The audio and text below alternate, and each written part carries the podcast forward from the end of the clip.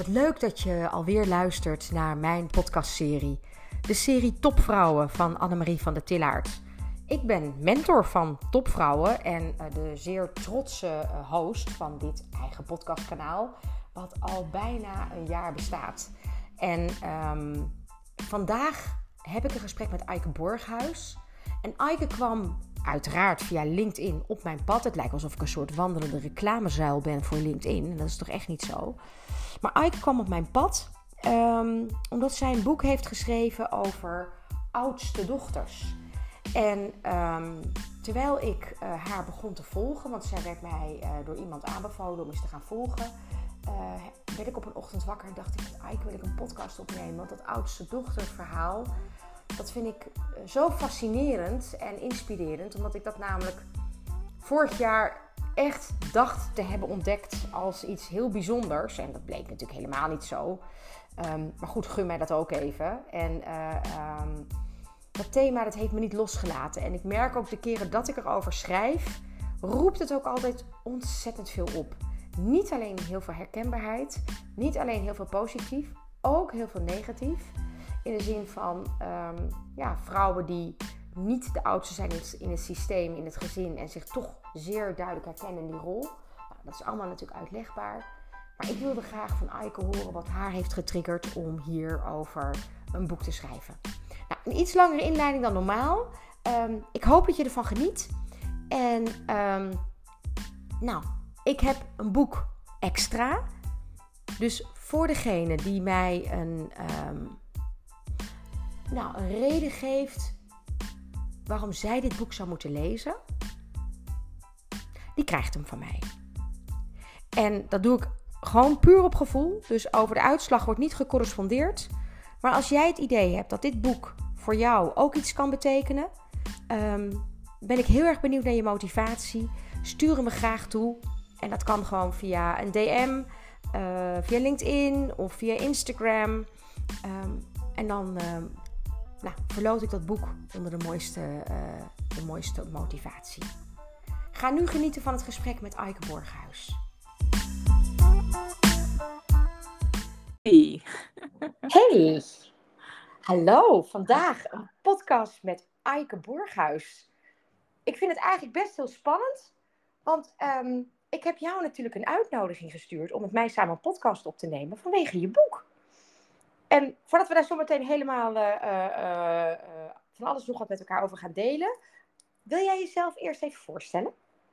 Ja, ik ben, uh, ben Aike Borghuis um, en ik werk met oudste dochters. Ik werk met oudste dochters op leiderschapsposities die bezield willen leven en werken. En in mijn leven daarnaast ben ik getrouwd met Peter en ik ben moeder van twee dochters van bijna 18 en bijna 16.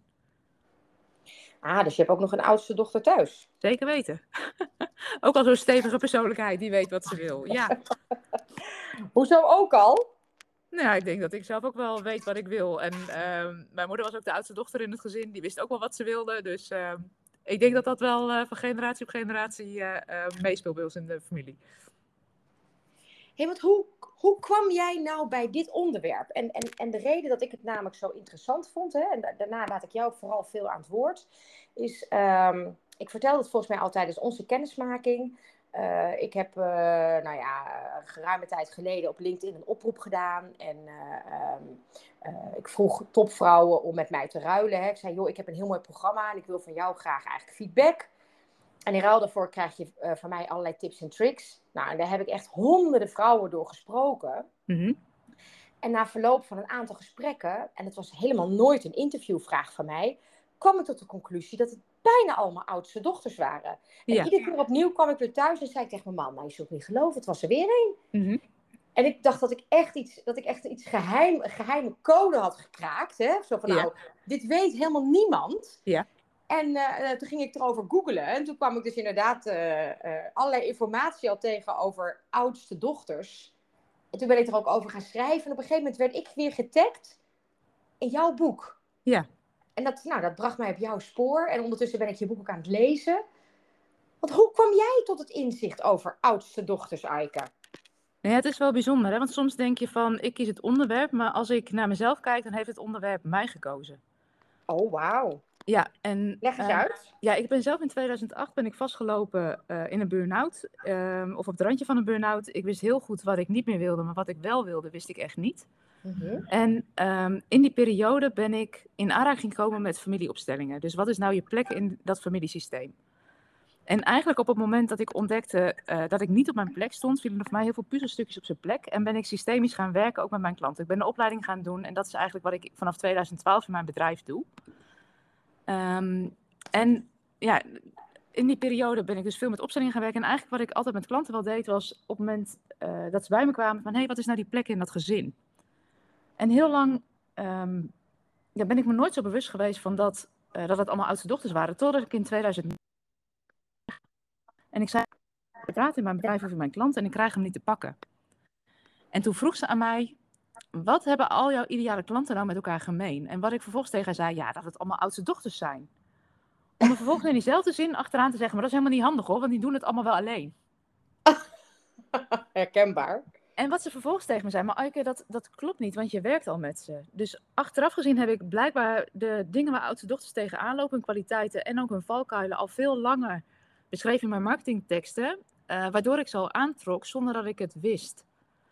En achteraf gezien is het zaadje al in 2014 geplant, want toen ben ik gevraagd of ik op een oudste dochterdag een workshop wilde geven over je plek in het gezin.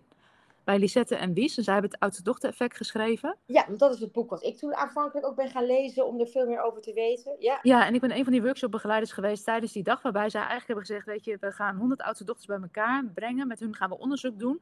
En die resultaten gebruiken we als input voor het boek. Dus achteraf is dat zaadje al in 2014 geplant, maar pas in 2019 ehm, ontdekte ik van, hé, hey, het onderwerp kiest mij.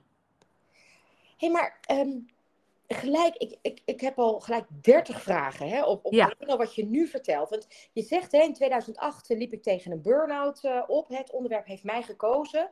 Ja. En toen ben ik in ra- aanraking gekomen met systemisch werken. Hoe, hoe ging dat in zijn werk? Kun je me daar eens in meenemen? Ja, toen ik in 2008 vastliep, wist ik heel duidelijk van wat ik niet meer wilde, maar ik had echt geen flauw idee wat ik wel wilde. Dus ik was Ja. zo'n wandelend hoofd. Ja, Ehm, en dat is voor mij het begin geweest van een zoektocht naar wie ben ik, wat is voor mij van waarde, welke betekenis wil ik toevoegen aan de wereld. Ehm, en ik ben toen begonnen met intuïtieve ontwikkeling, dus meer leren luisteren naar je gevoel. En in dat proces kreeg ik steeds vaker het advies, omdat ik dat harde werken niet leek te kunnen doorbreken met wilskracht en doorzettingsvermogen. Ik bleef iedere keer in die valkuil schieten. ja. En toen zei iemand tegen mij, je zou iets- moeten met een opstelling. En toen dacht ik, vaag gedoe, dan ga je zo'n toneelstukje doen en dat moet dan helpen. Echt niet. Ja, Nou, dat heb ik een tijdje zo volgehouden, totdat ik op een gegeven moment dacht, hij bleef op mijn pad komen. Ik kreeg een boek eh, aangereikt, ik zag een advertentie, ik zag een workshop voorbij komen. Toen dacht ik, ah, inmiddels weet ik, als iets drie keer voorbij komt, dan mag ik er iets mee. en het universum wil je wat zeggen, hè? Ja, ja, ja. Dus waar, waar ik een ontzettende weerstand had tegen alles wat met opstellingenwerk te maken had, en ik vond het vaag en zweverig, ehm, ja, kwam ik die dag bij die workshop en er vielen toen zoveel puzzelstukjes op zijn plek, dat ik dacht, dit is het ontbrekende puzzelstukje. En toen ben ik de opleiding gaan doen. En dat was in de periode dat opstellingen nog helemaal niet bekend waren. Als ik in de beginperiode mensen moest uitleggen wat een opstelling was, Ja. dat iedereen me echt glazig aan te kijken. En mijn man zei, zet die bezemsteel maar in de garage, jij heks. Oh, Ehm. Ja, dus, dus eh, ook in mijn omgeving, ja, mensen snapten het niet goed. En ik werd achteraf gezien, als je me in die tijd had leren kennen, had je me heel irritant gevonden, want ik was echt zo'n zendeling. Iedereen moest aan de opstelling. Maar waarschijnlijk toch wel met een goede intentie. Want jij was er natuurlijk zo door begeisterd dat je het graag iedereen wilde geven, toch? Ja, ik gunde het iedereen. Alleen, de mensen moeten er wel klaar voor zijn. En niet omdat ik zeg dat ze het moeten doen. Dat is typisch zo'n patroon voor mij als oudste dochter. Als ik kijk naar mijn... eh, Ja, eh, ja, ik nog niet op mijn plek stond, wist ik andere mensen wel te vertellen wat ze zouden moeten doen. Nou ja, daar ben ik inmiddels mee opgehouden. dus Hoe heb je dat-. Hoe heb je dat afgeleerd aan Eike? Nou ja, wat ik ontdekte is dat ik in mijn familiesystemen onbewust van jongs af aan groter ben gaan maken dan mijn plek is. Dus ehm, ik nam veel verantwoordelijkheid op mijn schouders, voelde me daardoor ook groot en belangrijk. Ja. En ik herhaalde dit patroon in mijn werk. Dus in mijn werk, ehm, ik kwam van jongs af aan al terecht in leidinggevende functies. Op mijn zestiende was ik al leiding bij scouting. Mijn eerste leidinggevende baan was op mijn 22e met een groep mannen en vrouwen, eh, waarvan ik, ja, die hadden qua leeftijd mijn ouders kunnen zijn. Ja. Ehm, en ik vond het eigenlijk heel normaal dat ik al die verantwoordelijkheid draagde. Of droeg. En ehm, het maakte mij ontzettend verschil of ik een leidinggevende had die mij ruimte gaf waarin ik kon ondernemen en mijn eigen verantwoordelijkheid kon nemen. Maar als ik een leidinggevende had die mij wilde vertellen wat ik moest doen, dan leverde dat altijd gedoe op. ja en want, dat jij, gebeurt. want jij wist het beter. Ja, ik dacht dat ik het beter wist, maar in het Ja. organisatiesysteem is dat niet mijn plek. En nou, ik had dacht eens van wat een vervelende leidinggevende, ik zoek een andere baan. Nou, bij die tweede baan gebeurde het weer, weer zo'n vervelende leidinggevende. En bij die derde baan dacht ik, hmm, misschien moet ik toch eens naar mezelf gaan kijken wat ik hier doe. En toen ontdekte ik dat dat patroon waar ik dus in mijn werk, waar ik in mijn werk tegenaan eh, liep, dat ik dat dus heb ontwikkeld in mijn familiesysteem. Hey, en was dat ook dan het begin van die burn-out die je zeg maar aan het, aan het kweken was? Of is dat, heeft dat een andere aanleiding gehad? Nou ja, wat er gebeurt op het moment dat je je groter maakt eh, en dus niet eigenlijk op je eigen plek staat in het familiesysteem, heel veel Ja. verantwoordelijkheid draagt. Ik wou het op Mhm. alle plekken goed doen, als moeder, als medewerker, als eh, dochter, als vriendin. Eh, maar wat ik in die periode eh, niet wist, was dat mijn lijf al lang allerlei signalen aangaf dat ik, niet, dat ik niet in verbinding was met mezelf. Dus wat ik zie bij veel oudste dochters is dat ze eh, veel gericht zijn op hun omgeving en eigenlijk niet zo goed weten wie ze zelf zijn en wat ze zelf willen. Oké, en, en toen? Nou ja, dat is voor mij ehm, het begin geweest dat ik dacht, ja, ik heb dat lijf niet voor niks. Dat lijf gaf al veel langer allerlei klachten aan. Hè. Ik had hoofdpijn in het weekend, ik was altijd ziek aan het begin van de vakantie. Oh ja. Ehm, en ik dacht nog, ja, dat lijf doet gewoon niet mee. Maar ik had op dat moment helemaal niet in de gaten dat dat lijf al veel langer allerlei signalen aangaf dat ik over mijn grenzen heen ging. En wat het opstelling en mij, werk mij heeft gebracht, is dat ik weer in contact ben gekomen met mijn lijf en met mijn gevoel. Want in een opstelling, je zakt gewoon in, in het gevoel op dat moment. En daardoor kon ik dat in het dagelijks leven ook steeds meer en vaker. En op het moment dat ik mijn eigen plek in dat familiesysteem ben gaan innemen, dus als volwassen oudste dochter, eh, merkte ik dat ik een soort stevigheid kreeg van binnenuit. In plaats van me groter maken dan dat ik eigenlijk was. En hoe werd er in letterlijke zin dan door jouw familie daarop gereageerd dat jij plotseling je plek op een andere manier ging innemen? Nou ja, wat er gebeurt is, is op het moment dat ik iets anders doe in het contact met mijn moeder, met mijn vader, met mijn zusjes, ehm, krijg je ook een andere respons. Ehm, dus wat er bijvoorbeeld wel gebeurde is, dus op beginnersfouten die, of beginnersfouten haakjes, hè. Op een gegeven moment dacht ik, Ja, ja. en ik, re- en ik regel niet meer alles voor, voor de verjaardagen van papa en mam. Oh ja, ik oh ja. deed, dus ik ging op mijn handen zitten en deed niks. Oh, ik, ik, ik zag je spreekwoordelijk voor me zitten met je armen over elkaar. Ja, dat had ook gekund. Ja, Ik doe, ik doe niks meer. Ik doe Nu even mogen- niks meer. nu een mogen ander mag het een keer doen. Maar wat ik vergeten was om te vragen, is of mijn zusjes het misschien over wilden nemen. Ja, Dus daar bedoel ik, ja, precies. Dat is ook exact waar mijn vraag ook eigenlijk naartoe ging. Ik kan me namelijk zo voorstellen dat het Ja. hele familiesysteem bij jou ook helemaal gewend was aan die Aike die een grotere plek innam. En als je Ja, dan dat plotseling Dus- een kleinere plek pakt, hè, wat voor jou heel erg logisch voelde, dat, je, dat jouw omgeving dan denkt, wat is er, what's going on? Ja, maar het is eigenlijk niet je kleinere plek, maar het is eigenlijk je passende plek. Dus eigenlijk die plek als volwassen dochter. Want als je je kleiner maakt, dan word je het aangepaste kind, wat nog steeds alles goed wil doen voor alles en iedereen. Oké, Dus dan zorg je nog steeds voor papa en mama. En, en dan ben je eigenlijk niet je eigen keuzes aan het maken. Want dan laat je leiden door wat je omgeving van je verwacht. En dat herkennen sommige oudste dochters ook. Want als je dat patroon herkent, dan is het heel lastig om stappen te zetten buiten je comfortzone. Of om te kiezen voor wat je echt wil. Omdat je onbewust nog steeds op zoek bent naar de goedkeuring van anderen. ja, ja, ja, ja. Passende plek, die ga ik onthouden. Ja, het is voor mij, het, wat, ik, wat ik vaak zeg is, het is je volwassen plek. Dus Ja. weet je, je bent volwassen nu. ehm, en, dat, ja, en dat is eigenlijk de plek van waaruit je ook eh, meer aanwezig bent in je lijf. En dus ook dat leiderschap van binnenuit vorm kan geven. Hey, en, en hoe heeft zich dit eh, gevormd ook in jouw rol als moeder naar jouw dochters toe? Nou ja, wat ik bijvoorbeeld merk, ik heb zelf twee dochters. Ehm, ik zal tegen mijn oudste dochter nooit zeggen, jij bent de oudste en je moet de wijste zijn. Oké. Dus daar ben ik me heel erg bewust van. Mijn man is ook de oudste thuis, dus wij zullen dat nooit tegen onze oudste dochter zeggen. Ehm, en, ja, en, en ik denk, kinderen doen wat je doet, niet wat je zegt. Ehm, dus ik, wat, wat volgens mij heel belangrijk is als oudste dochter, als moeder zijn, is dat je je kinderen voorleeft wat je ze gunt. Mhm. Eh, en dat gaat soms mis, want ik kan nog steeds in het harde werken schieten. Ik ben bevlogen, ik vind mijn werk heel leuk. En, en mijn dochter zei een tijdje geleden tegen mij... Ja, mam, dat jij nou zo hard werkt, betekent niet dat ik dat ook hoef te doen, hè? Kijk, Ehm, maar aan de andere kant ook... en wat zeg je dan? Nou, dat is wel een confronterende spiegel. Ja, Dat ik tegen haar zeg, nou, dankjewel voor, voor de spiegel. Ehm, ik ga me eens beraden wat ik hiermee kan doen. En, ehm, en wat ze ook zien, is mijn man werkt in loondienst, ik ben ondernemer. Is dat ze wel zien dat ik altijd met heel veel plezier mijn werk doe. En dat Peter, eh, mijn man, eh, zijn werk heel leuk vindt, maar zijn vrije tijd ook veel belangrijker vindt. Dus ze krijgen allebei de voorbeelden mee bij ons thuis. ja. Maar wat ik ook, weet je, wat ik mijn dochters ook laat zien, is dat je als vrouw um, ja, financieel onafhankelijk kan zijn en je eigen keuzes kan maken. Mijn, mijn oudste dochter staat nu voor de studiekeus. En we waren zo eens aan het verkennen van, hé, hey, wat, wat zou je nou eigenlijk willen? En toen zei ze tegen mij, ah mam, het maakt niet uit hoor wat ik ga doen. Komt toch wel goed. Jij bent toch ook op je pootjes terechtgekomen? en, dus, dus dat is ook wel wat je voorleeft. Weet je, ik, ik, heb wat dat betreft echt best wel een omweg gemaakt. Ik heb facility management gestudeerd. Ik heb een post-HBO-opleiding bouwprojectmanagement gedaan. Ik heb allerlei lean trainingen gedaan. Uh, Excel trainingen, veranderen. Totdat ik echt um, die ontwikkeling in ben gegaan met, met persoonlijke ontwikkeling, intuïtieve ontwikkeling, uh, het, het, familieopstellingen, organisatieopstellingen. Um, en later ook me echt ja, scholen in het ondernemerschap. Van hoe doe je dat nou, een bedrijf bouwen op een manier die bij je past.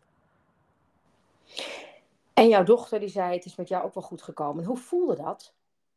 Ja, dat voelde wel... Um, ja, weet je, ik laat, dus, ik laat zien dat je, dat je op het moment dat jij leiderschap neemt over je eigen leven, dat er heel veel mogelijk is. Ja.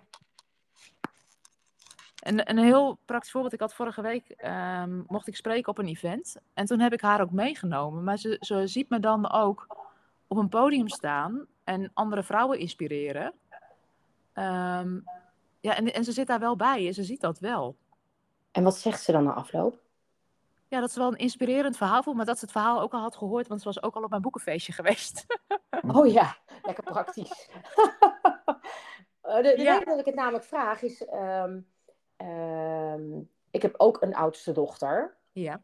En uh, de grap is dat ik haar, uh, nou we hebben het al eerder over gehad. Hè. Zij is, ik heb natuurlijk een samengesteld gezin, dus formeel is zij enige dochter. Ja. Dus zij heeft ook een ander systeem uh, natuurlijk weer daarin. Ja. Het, het, grappige is, ik betrek haar dus ook bij mijn werk. En als ik events organiseer, is zij altijd de, eigenlijk mijn gastvrouw. Hè. Dus zij staat ja. achter de bar. En, en dat vindt ze altijd heel erg leuk allemaal. Maar zegt ze, ja, ik word geen topvrouw hoor. Dan zeg ik altijd, ik vind dat zo jammer dat je jezelf daarmee al gelijk eigenlijk voor iets disqualificeert. En ik begrijp al helemaal niet waarom. Hè? En dan, uh, wat zij wil verpleegkundige worden. Ik zeg, nou, dat vind ik, vind ik minstens zo'n topvrouw. Hè? Dus, uh, maar het is wel interessant, hè? Want wat, wat ziet jouw dochter dan als een, als een topvrouw? En, en het is ook van je. Dat, kan ik haar, je... dat, dat kan ik je zo teruggeven, want dat was natuurlijk vooral de vrouw die ik was in de corporate tijd, hè, met de mooie grote auto en elke dag naar kantoor en de mooie tas en de glimmende laptop. En dat heeft ze vanaf kleins af heeft zij dat natuurlijk altijd gezien. En was ik daarin zeg maar haar, haar voorbeeld. En, of oh, nou, trouwens, dat weet ik niet of ik haar voorbeeld was, maar even haar moeder. Hè, uh, en, en het beeld wat ze natuurlijk van mij kreeg. En toen ik dus ook stopte, omdat ik bijna in een burn-out terecht kwam, had ze ook echt iets van, je wordt toch wel ooit wel weer normaal, hè? Ja, en, en wat, ik wel, wat, wat ik bij mijn dochter altijd wel probeer is van, want mijn oudste dochter zegt ook van ja, ik word nooit ondernemer, want dan moet ik veel te hard werken. Ja, ja. ja dat, dat is voor mij dan wel zo'n spiegel van ik heb daarin wat anders te doen, maar ik vraag haar dan ook wel van, goh, maar wat, wat, wat zie je dan? Of wat, wat spreek je dan wel en wat, zou, wat spreek je dan niet aan? Om ook het gesprek open te houden, zodat ik ook oprecht naar haar kan luisteren wat zij wil, zonder soms ook al te projecteren op wat ik denk of zie. En, wat krijg je dan terug? Um, dat kan tot hele mooie gesprekken leiden. En ja. soms ook wel, ook wel confronterend. Weet je, mijn oudste dochter en ik, want um, wij schuren ook wel met elkaar. Ja, wij ook. Um, en en uh, soms is het ook, weet je, soms gaat het ook met je dochter wat minder goed. En dan denk ik, ja, ik werk met oudste dochters. Uh, ja, weet je, en dan heb je het thuis soms niet op orde met, met je kind. Of dat, dat schuurt al soms mm -hmm. bij, bij momenten. Ja, ja. dat ik ook wel eens aan mezelf twijfel. Maar ik denk, ja, weet je, aan de andere kant denk ik, ik leef wel voor wat je als oudste dochter, um, ja, wat, wat, wat, wat de mogelijkheden zijn. En ik, en ik ben ook altijd open en eerlijk, uh, ook over die achterkant. Ja, en weet je, ik noem dat ook wel eens. Hè. Ik heb er een keer ook een podcast over opgenomen. En toen was het, goh, het, het lekt bij deze loodgieter. En pas geleden had ik een lekkage. Hè? Dus ja. uh, uh, het wil niet zeggen dat als je zelf het voor een ander zo goed weet te vertellen, waar ik namelijk echt achter sta, dat je het voor jezelf ook altijd zo goed doet. Hè? Want um, wie, bekijkt, wie, kijkt jouw blind, wie, wie, wie kijkt naar jouw blinde vlekken, hè, die je toch zelf heel moeilijk kunt aankijken. Ja, daarom heb ik daar ook altijd hulp bij. Ik heb ja, altijd mensen om me heen die met me meekijken, ja, die me spiegelen, die met me sparren. Ja. En net, net wat jij zegt, weet je, het is, um, ik, ik, hoe ik mezelf vaak ook wel zie, is ik ben een lerende leider. Dus het is ook met vallen en opstaan ontdek ik ook wat wel werkt en wat niet werkt. Um, en dat probeer ik ook wel voor te leven, ook aan mijn dochter, maar ook aan de, aan de klanten met wie ik werk hey, want ik hoorde jou net wel zeggen, en dat triggerde mij toch wel weer. Als jou, je, je zei het geloof ik twee of drie keer al, dat als jouw dochters jou aanspreken op de hoeveelheid werk, of de, hè, het, het vele ja. werk wat je verzet, Dat je dan het idee hebt dat je daar wat te doen hebt. Dat gevoel heb ik namelijk helemaal niet. Ik denk, ja, weet je, je hebt het ook over bevlogenheid. Uh, zolang ik het uh, uh, allemaal prima behapbaar vind, mijn leven. Hè? Dus hoe, waarom heb jij dan het idee dat je daar wat te doen hebt? Omdat ik um, het. Een van de dingen die, die ik van jongs af aan lastig vind, is om helemaal aanwezig te zijn in het hier en nu. En dat lukt mij in het werken met klanten, gaat, dat, gaat dat moeiteloos. Ja, ja. Um, maar in mijn dagelijks leven, als, zoals laatst met dat boek, als dat heel goed loopt en het vraagt van alles en nog wat achter de schermen. En het zijn dan eigenlijk tijdelijk twee banen. Hè? Het is je bedrijf wat draait en het is die promotie van dat boek. Ja. Of het schrijven van dat boek. Wat ik terugkrijg van mijn dochters, dan ben je er wel, maar dan ben je er niet. Dus dat, dat zit voor oh, mij. Ja. Ben, ik, ben ik emotioneel ook beschikbaar op dat moment? Um, of of uh, ben ik fysiek wel aanwezig, maar emotioneel er niet? Ja, dus, ja, dus hij zit voor mij veel meer in dat ik daar wil zijn waar ik ben. Dus als ik bij mijn dochters ben, dat ik ook daar aanwezig wil zijn. Of als ik bij mijn man ben, dat ik daar echt helemaal met mijn volle aandacht ben. Hmm. En niet onder, ondertussen nog met een actielijstje van wat ik allemaal nog moet in mijn bedrijf. Mooi hoe je dat zo weet te verwoorden. Maar dan ben ik nog steeds benieuwd, hè? want ik was natuurlijk ja. in jouw eerste inleiding, zei ik ook, ik heb al gelijk 30 vragen. Nou, we Ja. hebben er nu één behandeld. Heel goed. Want hè, uiteindelijk vertelde je, ik, ik ben naar die ehm, intuïtieve ontwikkeling gegaan hè, en, Ja. en ehm, ehm, kwam eh, meerdere keren in my face in, in aanraking met het idee dat ik wat moest gaan doen met familieopstelling. Ben er hard van weggelopen en op een gegeven moment dacht ik van nou, eh, geen ontkomen aan. Ehm, maar dan toch, een familieopstelling, ik heb ze in het verleden ook gedaan, maar het Ja. heeft bij mij nooit iets rondom die oudste dochter getriggerd. Wat heeft dat dan bij jou uiteindelijk helemaal wakker gemaakt, jouw inzicht daarin? Nou ja, het belangrijkste denk ik is dat het gaat om, eh en welke plekken in je gezin je ook inneemt, het gaat erom dat je je volwassen plek inneemt. Ehm, en die volwassen plek, op het moment dat je dat je, je volwassen plek inneemt, dan, eh, dan krijg je een soort stevigheid van binnenuit. En dat is waar, wat mij heel erg heeft geholpen. En door de, ding, de problemen die, waar ik zelf tegenaan liep, die ben ik gaan beschrijven op, op, in, in de marketing en op de website. En daarmee trok ik dus eh oudste dochters aan, onbewust, die zich Ja. herkenden in wat ik beschreef. Dus het is niet dat ik met mijn hoofd heb bedacht van, goh, ik ga me helemaal richten op die oudste dochters. Maar omdat ik met al die oudste dochters werk, al, al nou ja, achteraf gezien al eh, nu ruim elf jaar, ehm, weet ik heel goed waar ze tegenaan lopen. Dus het is ook door het op dagelijkse basis te doen. ehm, Dus het was helemaal niet jouw marketing. Het was helemaal niet gericht op. op ik trok eh, ze al aan. Het, was, Ja. het, het- het is eigenlijk pas in 2019 dat ik, dat ik ehm, ben gaan omarmen dat het te maken heeft met die plek als oudste dochter in het gezin. Dat, dat veel oudste dochters zich dus herkennen in zich groter maken of zich aanpassen. En dus niet op hun volwassen plek staan. En toen, en- ben ik het, en toen ben ik het gaan omarmen mijn marketing. En dat, en, dat heeft ook best wel wat tijd gekost hoor. Want als je systemisch werkt, ben je geneigd, of is, is je intentie om alles en iedereen in te sluiten. Dus ik dacht ook, als ik me ga richten op die oudste dochter, sluit ik dan niemand buiten. Nou, dat was net mijn vraag die ik je wilde stellen. Want ik was bijna al bezig je te onderbreken. Ja, en wat ik daarin vaak zeg, Ja. is, iedereen is welkom, ik richt me alleen niet op iedereen. En dat is hetzelfde als dat je, ehm, ehm, ja weet je, als je, als, je een, een, als je last hebt van je rug, dan is de vraag, ga je naar een algemene fysiotherapeut of ga je naar een fysiotherapeut die gespecialiseerd is in rugklachten? Ja. Ehm, en daarin, ja, weet je, ik, en wat ik zo fantastisch vind aan het werken met oudste dochters, is, weet je, ze kunnen veel verantwoordelijkheid dragen. Dat doen ze ook. Ze hebben vaak, eh, ze zijn gericht op dat versterken van het geheel. Dus het gaat vaak om meer dan hunzelf. Het gaat om het zichzelf goed laten gaan, maar ook, ook gericht op ehm, ja, de wereld om zich heen. Ik heb vanmorgen, vanmorgen had ik een podcast interview met Sabine Uitslag. Ontzettend inspirerende leider vind ik haar ook. Ja. Die is ook echt gericht op hoe kan ik nou het, het werkgeluk van die zorgprofessionals verbeteren. Omdat ze gewoon zo'n groot hart heeft voor de zorg. Dat zie je eigenlijk bij al die oudste dochters. Die hebben een grotere missie. Wat, waar ik ook in geloof is als die oudste dochters meer op die leiderschapsposities terechtkomen, dan komen ze terecht op de plekken waar de besluiten genomen worden. En dan worden de besluiten dus inclusiever. En ik denk dat dat goed is voor mannen en vrouwen en kinderen en ja, eigenlijk iedereen die leeft op de, op de aarde. Ja, ik zeg altijd als dat soort vrouwen inderdaad in de toppen van het bedrijf komen, is het beter voor de Nederlandse economie. Dus voor ons allemaal. Ja. Ja. Ja, en ik pak hem dan. Dan bekijk ik hem nog heel erg eendimensionaal, hè? Want ik bekijk hem dan vanuit een economisch perspectief. En Jij bekijkt hem nog veel breder. Ja, ik kijk hem holistisch. Ik, ik weet je, ik, Ja. waar ik in geloof van we moeten het met elkaar doen op deze aarde. We moeten hier samenleven met elkaar. En hoe kunnen we nou die goede voorouders zijn voor de generaties die na ons komen? Ja, En wat vraagt dat dan nu van ons leiderschap? En ik ben ook, hè, weet je, het is ook niet dat ik zeg, mannelijk leiderschap is, weet je, mannen moeten ook gewoon hun leiderschap pakken. En dat doen ze ook. En dat is ook prachtig. Maar ik denk dat het, dat het en-en is, dat het in balans mag. Helemaal met jou eens. hey, en melden zich bij jou, eh, kijk. Ja. Ik heb, uh, nou, ik heb nu twee keer heb ik iets geschreven over oudste dochters. Hè? Ja. En tot twee keer toe heb ik daar behoorlijk ook wat DM's en andere berichten over gekregen van... Uh, nou, sterker nog, ik sluit heel veel mensen uit door, door nu ook nog. Hè, ik richt mij natuurlijk dan op topvrouwen. En, en als ik me dan ook nog eens zo nadrukkelijk uitspreek over uh, oudste dochters. Nou, er werd me, er werd me behoorlijk wat uh, verwijt zeg maar, gemaakt over deze keuze. Ja.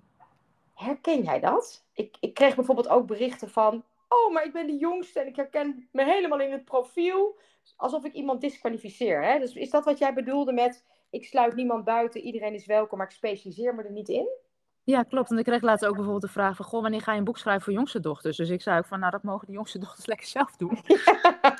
ik geef de tip door aan mijn jongste zusje. Nou ja, en wat je, wat je vaak, en waar het volgens mij in zit, op het moment dat mensen uh, uh, geraakt worden, is dat ze zich niet gezien en niet gehoord voelen. Dus daarin ja. probeer ik wel altijd iedereen ook te zien en te horen. Um, ook in een bericht, want een tijd geleden kreeg ik bijvoorbeeld ook een, een reactie van een man op een LinkedIn-post. En die, die vroeg aan mij ook, hij zegt, ja, en schrijf je in je boek ook iets over hoe dominant of vervelend oudste dochters kunnen zijn in dat gezin. Oh! En toen dacht ik, oh, hier, hier moet ik even op broeden. Dus ik ben even een kopje thee gaan zetten voor mezelf. En denk, hoe ga ik hier nou op antwoorden op een, um, op een ja, neutrale, liefdevolle manier? Dus toen heb ja. ik hem ook teruggereageerd. Ik zeg, ja, als oudste dochters doorschieten in hun, in hun valkuilen, zijn ze niet de leukste versie van zichzelf. En dat wordt wel behandeld in het boek. Ja, toen was hij, weet je, hij voelde zich denk ik gezien en gehoord en hij heeft verder niet meer gereageerd. Ja, ja. Dat is uh, Eike op bezemstil. Ja. ja, Annemarie had er ook een, hè? Sterker nog, een hele collectie stond er bij de voordeur uh, klaar. En uh, ik heb op een gegeven moment echt een vliegverbod in huis gekregen. Ja. Dus uh, en sindsdien uh, had ik ook, uh, dat was voor mij ook wel het, het, moment dat ik dacht, volgens mij moet ik wat met mezelf gaan doen. Hè? Dus de bezemstelen zijn naar de achtertuin verbannen en gebruik ik puur en alleen nog maar om het terras mee aan te vegen. Mm-hmm. Tenminste, dat hoop ik. nou ja, en, wat ik, en wat ik zelf ook wel heel belangrijk vind, weet je, voor, voor, als je het hebt over samenleven, het gaat erom dat je elkaar ook ziet en hoort, hè? Ja. Um, en wat ik ook vaak wel kan zien is op het moment dat iemand echt um, reageert vanuit, dus, vaak is het vanuit, iemand reageert dan ook niet vanuit zijn volwassen plek. Dan zie je ook dat iemand uh, zich of, ook groter maakt of zich kleiner maakt. Um, en ja, de enige plek waarvan ik dan kan komen in mijn communicatie is vanuit die volwassen oudste dochterplek. Lukt je dat altijd? Uh, Val je nog wel eens terug in je oude rol? Ik denk dat ik in mijn werk dat ik, uh, dat ik heel veel op die. Op die uh, ja, dan sta ik eigenlijk altijd op die volwassen oudste dochterplek. Mm-hmm. Um, wat niet betekent dat ik nooit getriggerd word, maar dan, ik herken hem veel eerder. Uh, maar ik herken hem bijvoorbeeld in het contact met mijn, met mijn ouders en met mijn zusjes. Um, en dat hebben we allemaal. Hè? Mijn zusjes hebben dat ook. Op het moment dat wij de drempel weer overstappen in ons ouderlijk huis. Voor je het weet zit je zo weer terug in, in de film van, uh, van toen we nog thuis woonden. Ja, ja, ja. Um, dus daarin is hij, is hij soms veel lastiger. En ik merk ook, als ik kijk naar de, de band met mijn kinderen, die kunnen ook uh, feilloos op mijn, op, mijn, uh, op mijn rode knop drukken. Dus die, die weten ook feilloos hoe ze me kunnen triggeren. Ja. Dus ik, dus ik merk in mijn werk gaat dat eigenlijk moeiteloos, gaat bijna als vanzelf inmiddels na al die jaren. Ja. Um, en thuis, uh, in, mijn, in mijn eigen gezin en, en in contact met familie, is die soms lastiger. Ja, maar dat kan ik me wel voorstellen. Ja, ik heb zelf geen zussen, dus uh, uh, in mijn geval is dat, uh, is dat is denk ik toch weer anders. Ik heb hele leuke zussen hoor. Dus, dus oh, maar dat, daar zei ik het ook helemaal niet voor. Ja. Want ik denk dat ik het heel leuk had gevonden om, om zussen te hebben. Ja. En ik moet zeggen dat ik gezegend ben met een aantal vriendinnen die absoluut als zusjes voelen. Ja. Maar uh, ik heb uh, formeel geen zussen, dus uh, ik heb alleen maar een kleiner broertje. En ik moet zeggen dat ik vroeger wel vaak werd aangesproken. Kom op joh, jij bent toch de oudste, doe jij dat nou even? En, maar ik vond dat eigenlijk heel fijn. Ja, want je wordt ook, dus weet je, en dat is wat ging... je uit... Ja, ja, ja, ja. ja. Ik weet, jij waarschijnlijk vroeger ook, hè? Ja, en dat is wat heel veel oudste dochters herkennen. Wij, wij worden vaak gezien en krijgen erkenning voor wat we doen en niet voor wie we zijn. Dus dat, dat maakt ook dat die oudste dochters zulke bezige bijen zijn. Ja. ja. Het is zo herkenbaar. Het is echt zo herkenbaar voor me. Dus, eh, eh, en ik, ik, moet zeggen, het, heeft mij, ehm, ehm, het ontdekken van dit onderwerp heeft me ook sinds het jaar helemaal niet meer losgelaten. Dus ik vond het ook superleuk toen ik ook zag dat jij er een boek over geschreven had. Wat was nou jouw belangrijkste, nieuwste inzicht toen je dit boek schreef? Je hebt vast iets toch weer opnieuw ontdekt. Ja, dat is wel, ik denk, de belangrijkste les. Want eigenlijk het boek wat er nu ligt, dat is ongeveer het derde manuscript wat geschreven is. Ja, ja, ja. En het eerste manuscript, dat, dat heb ik echt op wilskracht en op daadkracht, uh, wilskracht en doorzettingsvermogen geschreven. Het was een handboek voor hoe oudste dochters zouden moeten leiden. Ehm, en, wat, en ik liep vast in dat schrijfproces. En ik, ik had het boek voor 80% af toen ik hulp heb ingeschakeld van een uitgever. Van wil je eens met me meekijken, want er klopt iets niet. En toen zei ze, ja, maar je boodschap klopt niet.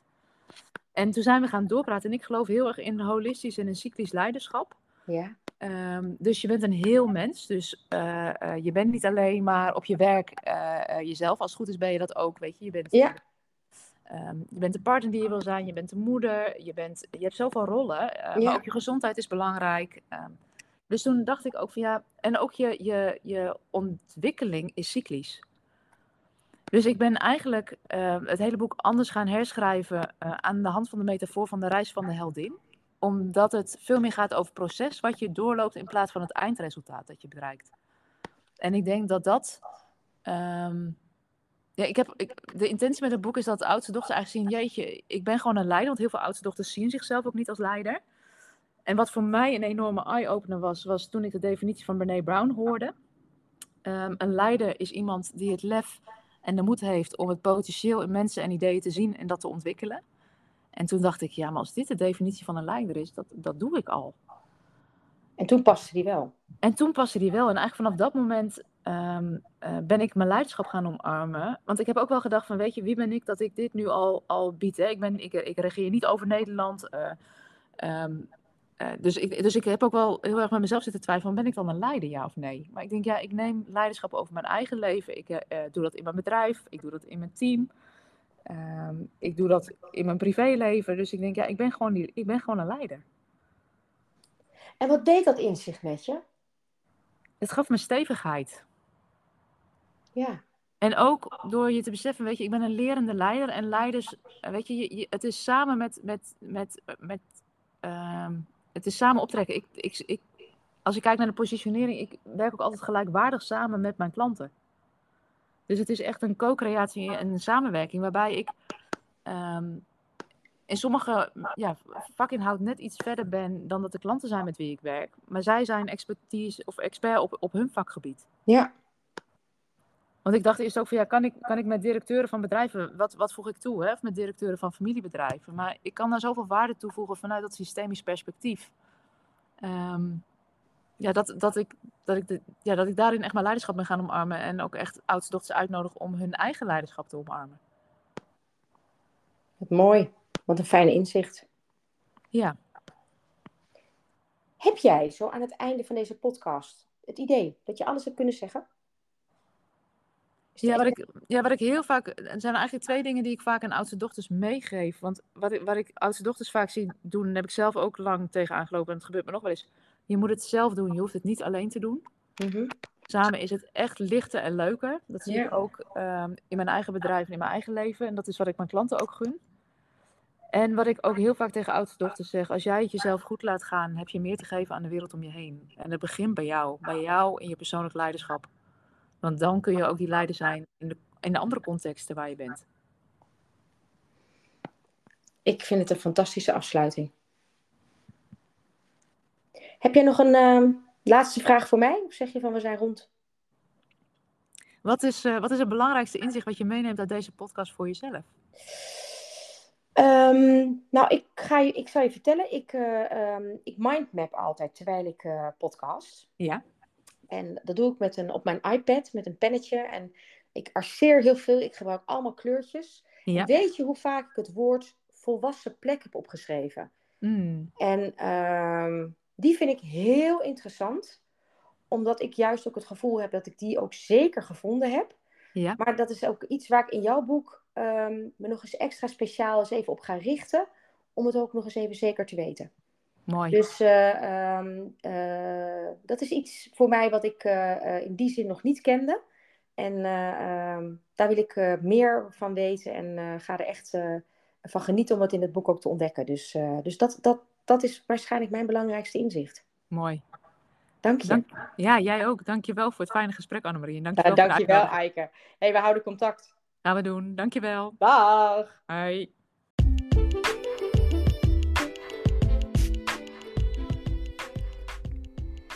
Ja, die volwassen plek in het gezin.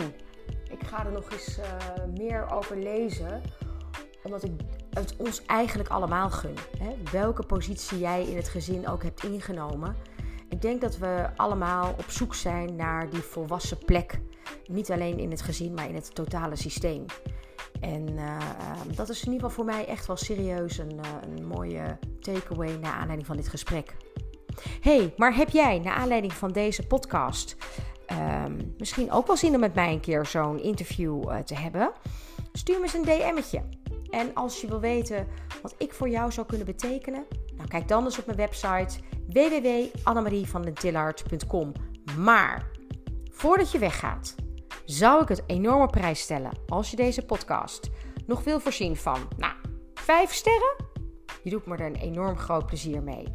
En herinner je nog even aan het feit dat degene die mij de mooiste motivatie stuurt waarom zij het oudste dochterboek van Eike moet ontvangen, die krijgt er van mij een exemplaar.